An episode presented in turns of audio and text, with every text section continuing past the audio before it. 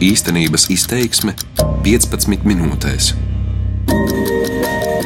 Mans vārds ir Mārcis Zanders, un šodien vēlētos parunāt par tādu plaši izplatītu tēmu, kā vai mums, nu, jo īpaši latviešiem pašiem, patīk pārāk daudz kritizēt visu un visus. Laikam gan nav jāpierāda, ka Latvijā patiešām daudzi pret šo valsti, ne tikai pret politiķiem, bet pret valsti izturās ļoti kritiski. Um, bet tāpat laika pa laikam izskan aizrādījumi, ka mēs ar šo savu kritisko attieksmi bieži smagi pārcenšamies, un rezultātā faktiski paši veidojam šo nomācošo tēlu. Līdz ar to jautājums ir par robežu, vai tāda ir? starp dažādu nebūšanu, atklāšanu un apspriešanu, kas ir saprotama lieta un vajadzīga, un zara, uz kuras sēžam zāģēšanu. Bet gan uzreiz jāsaka, ka vispirms ir tādi ikvienā sabiedrībā cilvēki, kuri ar aizdomām vai nepatiku izturas pret valsti vispār. Nu, neatkarīgi no tā, kas pie varas, kaut karalis. Šajā pasaules skatījumā vienmēr valsts ir kaut kas tāds, kas grib sodīt, kontrolēt, bet kur jāizturas tā ar nepatiku. Un šo viedokli var labi ilustrēt ar rumāņu izcelsmes franču filozofu Emīlu Čorana indīgo piezīmi savulaik. Citēji, teikt, man šis režīms patīk labāk nekā cits, nozīmē neprecīzi formulēt domu. Pareizāk būtu teikt, šī policija man patīk labāk nekā cita. Jo valsts vienmēr ir policiskais aparāts, saka Čorans. Bet tomēr tik pesimistiski noskaņotu ļaužu nav daudz, attiecīgi šo grupu mēs neapskatīsim. Patiesībā es diezgan labi saprotu cilvēkus, kuri saka, tās nav labi un tās nav labi, cik var. Nekāda Kremļa propaganda nav vajadzīga. Paši spējam panākt to, ka autoritāšu Latvijā vairs īsti nav pat valstiskuma atjaunošanas sākumā teju vai uz rokām nesētā inteliģence šķiet cietīs tā saucamo čekas maisu atvēršanas rezultātā. Par inteliģenci vēl parunāsim, bet pirms tam piedāvāšu savus subjektīvus kritērijus robežai kritizēšanā, ko pārkāpt nevajadzētu. Un, ziniet, man šie kritēriji sanāk veseli divi un tikai. Pirmais no tiem, kā saka, roku nepalaišana. Tas šodien var likties pašsaprotami. Tomēr mūsu pašu Latvijas parlamentārismu vēsturē ir epizodes, par kurām, manuprāt, ir vietā teikt, nu, gan ir par traku. Atļausiet citātu no kāda vēstures pētījuma. Tātad citēju. 1923. gada 1. maijā esplanādē sāk ierasties strādnieku gājienu dalībnieki, kopumā aptuveni 10 tūkstoši cilvēku. Viņus apsargāja bruņoti sociāldemokrātu kārtībnieki, tomēr tas neatturēja 300 līdz 400 sociāldemokrātu pretiniekus traucēt mītiņu norisi, kliedzot un dziedot dziesmas. Policija ievēroja neutralitāti, bet tas nelīdzēja nomierināt sakarsētos prātus. Strādnieku kārtībnieku un viņu pretinieku starpā izcēlās masveida kautiņi, tika mestas petardes, skanēja pat šāvieni. Ielu kautiņi turpinās skolas un tērbats ielā. 15 sociāldemokrātus policija aizturēja, daudzi partijas biedri nekārtībās bija cietuši no mietiem, akmeņiem un pat pagalēm, kas tika mestas palogiem. Nu, jāsaka, arī pēc tam vēl ir Latvijas laikā, starpkara periodā ir bijuši uh, mēģinājumi savu nepatiku pret pastāvošo varu izpaust tā, ka gāž šo varu ar nedemokrātiskiem mērķiem, nu, piemēram, ar apvērsumu un tam līdzīgi, bet par to mēs šobrīd nerunāsim. Turklāt es, ap citu, nerunāšu šajā gadījumā par Ulmanu, bet, nu, par citām, citiem mēģinājumiem, dažādām pagrīdes organizācijām un tā. Līdz ar to tas viss ir bijis, un No šī viedokļa par spīti brīžiem histēriskajiem toņiem savstarpējos izteikumos Latvijā. Nu, tik kā saka vētraini, debats Latvijā par laimi nenotiek, tas nozīmē, ka šī robeža nav pārkāpta mūsu ārprātīgajā kritiskumā. Otru kritēriju varētu formulēt apmēram šādi. Uh, nav nekas traks, ja konkrētā valstī dzīvojošie, vai pareizāk sakot, nu, kāda šo dzīvojošo daļa, saka, šobrīd viss ir slikti. Savukārt bija laiks, kad. Nu, un tad seko varianti. Vieniem šis laiks būs valstiskuma atgūšanas pirmie gadi, citiem tas uzmīja ulmaņa laiku un tā tālāk. Nu, šis stāsts par to, ka tagad ir slikti, bet agrāk bet ir bijuši labāki periodi. Un es domāju, ka līdzīgu ainu mēs varam redzēt arī citās, to skaitā pārtikušākās valstīs. Un kritērijs šajā gadījumā ir tas, ka šī uzstādījuma agrāk bija labāk, tagad viss ir slikti, paudējs neapstrīd pašas valsts vērtību kā tādu. Jā, šobrīd viņam valsts nepatīk, bet viņam ir skaidrs, ka savu valsts vispār ir vajadzīga. Un šo robežu vai šo situāciju, tajā kritiskajā attieksmē, man patīk uh, dažkārt ilustrēt ar epizodi, uh, kādā poļu mūsdienu rakstnieka Kristofa Vargas dokumentālā darbā Turula Gulaša.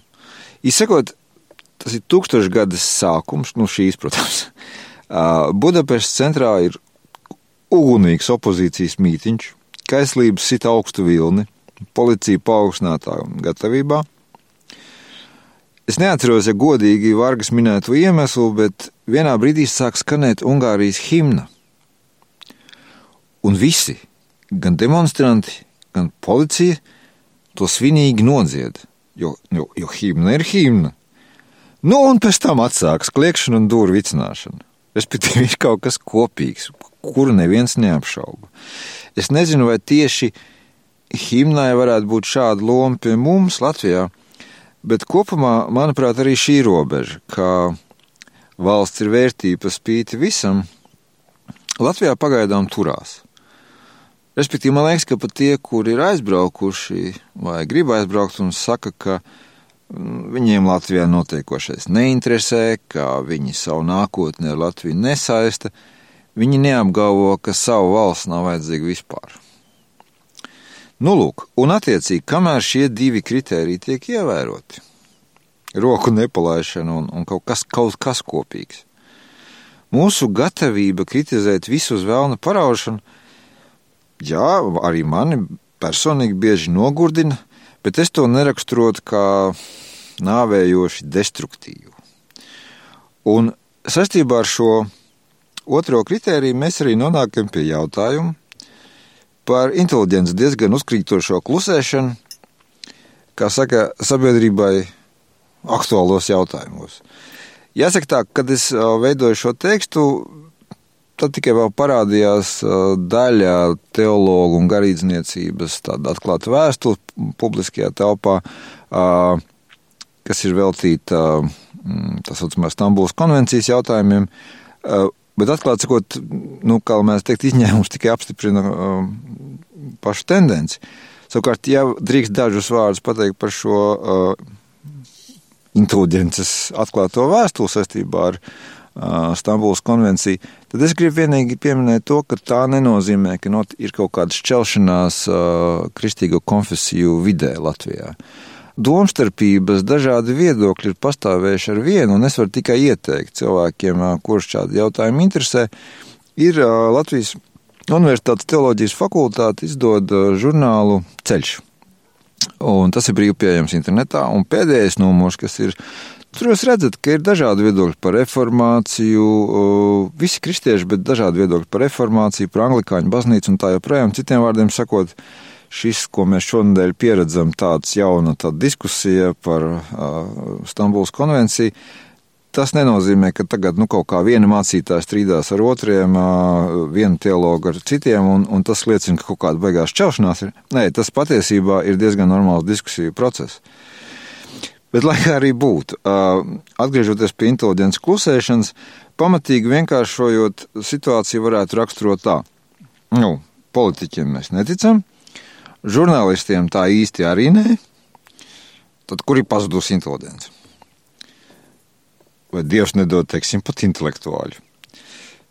Vispirms, gan es gribētu būt mazliet nejauks un apjautāties, cik vispār patiesi ir vēlme inteliģences viedoklī dzirdēt. Jo kad kāds izsakās, vai nedod Dievs iesaistās politikā, parasti komentāri ir būtu labāk palicis teātrī, būtu labāk mūziku rakstījis un tā tālāk. Nu, ir tā, ir tā. Lai kā arī būtu, šajā prasībā, kur ir inteliģents viedoklis, kāpēc inteliģents klusē, mēs zināmā mērā projicējam šodienā neatkarības atgūšanas periodu, kad jā, bija radošo savienību plēnums, tautas fronte un, un tā tālāk, bet šodien ir pavisam cita situācija. To var nožēlot, bet tā ir. Lieta tā, ka okupācijas gados kultūra bija zināma brīvdomības zona. Attiecīgi ar kultūru saistītie cilvēki objektīvi likās nu, īstie viedokļa līderi brīvības atgūšanas periodā. Es neironizēju. Savukārt šodien kultūra zinātne ir viena no sevis realizēšanas formām, ko vairs neapvīja sevišķu maura, autoritātes status īpaši un tā. Līdz ar to, ja kāds šodien nervozi jautā, kāpēc par to vai citu aktuālo jautājumu klusē inteliģents, Tas ir vairāk, piedodiet, ar pagātni saistīts refleks, un savā ziņā tas ir retorisks jautājums. Godīgi sakot, es nezinu, ko par šo situāciju domā paši inteliģents pārstāvi, vai viņi to sāpīgi pārdzīvo, vai viņi to sāpīgi nepārdzīvo. Tomēr, manuprāt, inteliģents dzīvo iepriekš minētā otrā kritērija ietvaros un pareizi vien dara. Jo, klau, inteliģencei ir jāsaglabā darboties spējīgi muzeji, laboratorijas, kori un augstskolas. Inteliģence ir jāpēta arhīvi, nezinu, ķīmiski savienojumi, ekosistēmas, neatkarīgi no tā, kādi ērmi ir pie varas. Līdzīgi, protams, ir ar citām profesijām, vienalga mediķiem, policistiem, zemniekiem, kuri vienkārši, lai gan, protams, nekā vienkārši nav, dara savu darbu. Jo šāds darbs ir tas, kas saglabā pamatu lai valsts vispār pastāvētu, lai pastāvētu valsts iespēja. Un šim darbam ilgtermiņā iespējams ir daudz lielāka nozīme nekā mēģinājumiem kaut ko komentēt, kāpt tribīnēs, rakstīt atklātās vēstules un tā joprojām. Būt politiski aktīviem. Līdz ar to es neesmu gatavs kritizēt vai kaut kā nosodīt nec tos, kuri vispār distancējas no tā saucamās politikas, nec tos, kuri nereti pārāk žultaini to komentē. Ja vien šie cilvēki, pat ja viņi paši to tā īsti neapzinās, viņi vienkārši dara savu darbu, ja šie cilvēki palīdz saglabāt vidi valstī kā tādai, neatkarīgi no tā, kāda tā ir šobrīd, bet kāda tā var būt. Un līdz ar to Mēs zinām, vidējā un vecākā paudze nerad ir tāds izteiciens, vai mēs par to cīnījāmies. Nu, uz barikādēm un tā joprojām. Uh, nu, man liekas, ka bēdīgi, protams, bet vienalga nav tik traki. Ja zemteksts šim jautājumam ir nē, par kaut ko tādu mēs necīnījāmies. Nav tik traki, kamēr konteksts ir tāds, ka vispār par savu valsti ir vērts cīnīties.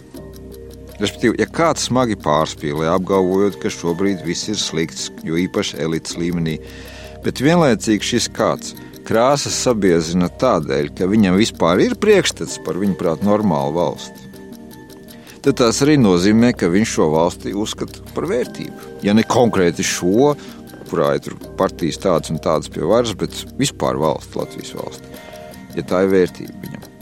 Un, ziniet, tas arī ir labi. Tādēļ atļaušos būt tomēr līdz galam optimists un teikt, ka, lai gan mēs esam ļoti kritiski un dažkārt pārāk kritiski pret savu valsti un, un pret politiku, manuprāt, mēs turamies vēl gaumes un veselā saprāta robežās. Darbības vārds īstenības izteiksmē izsaka darbību kā realitāti. Tagatnē, pagātnē vai nākotnē, vai arī to noliedz.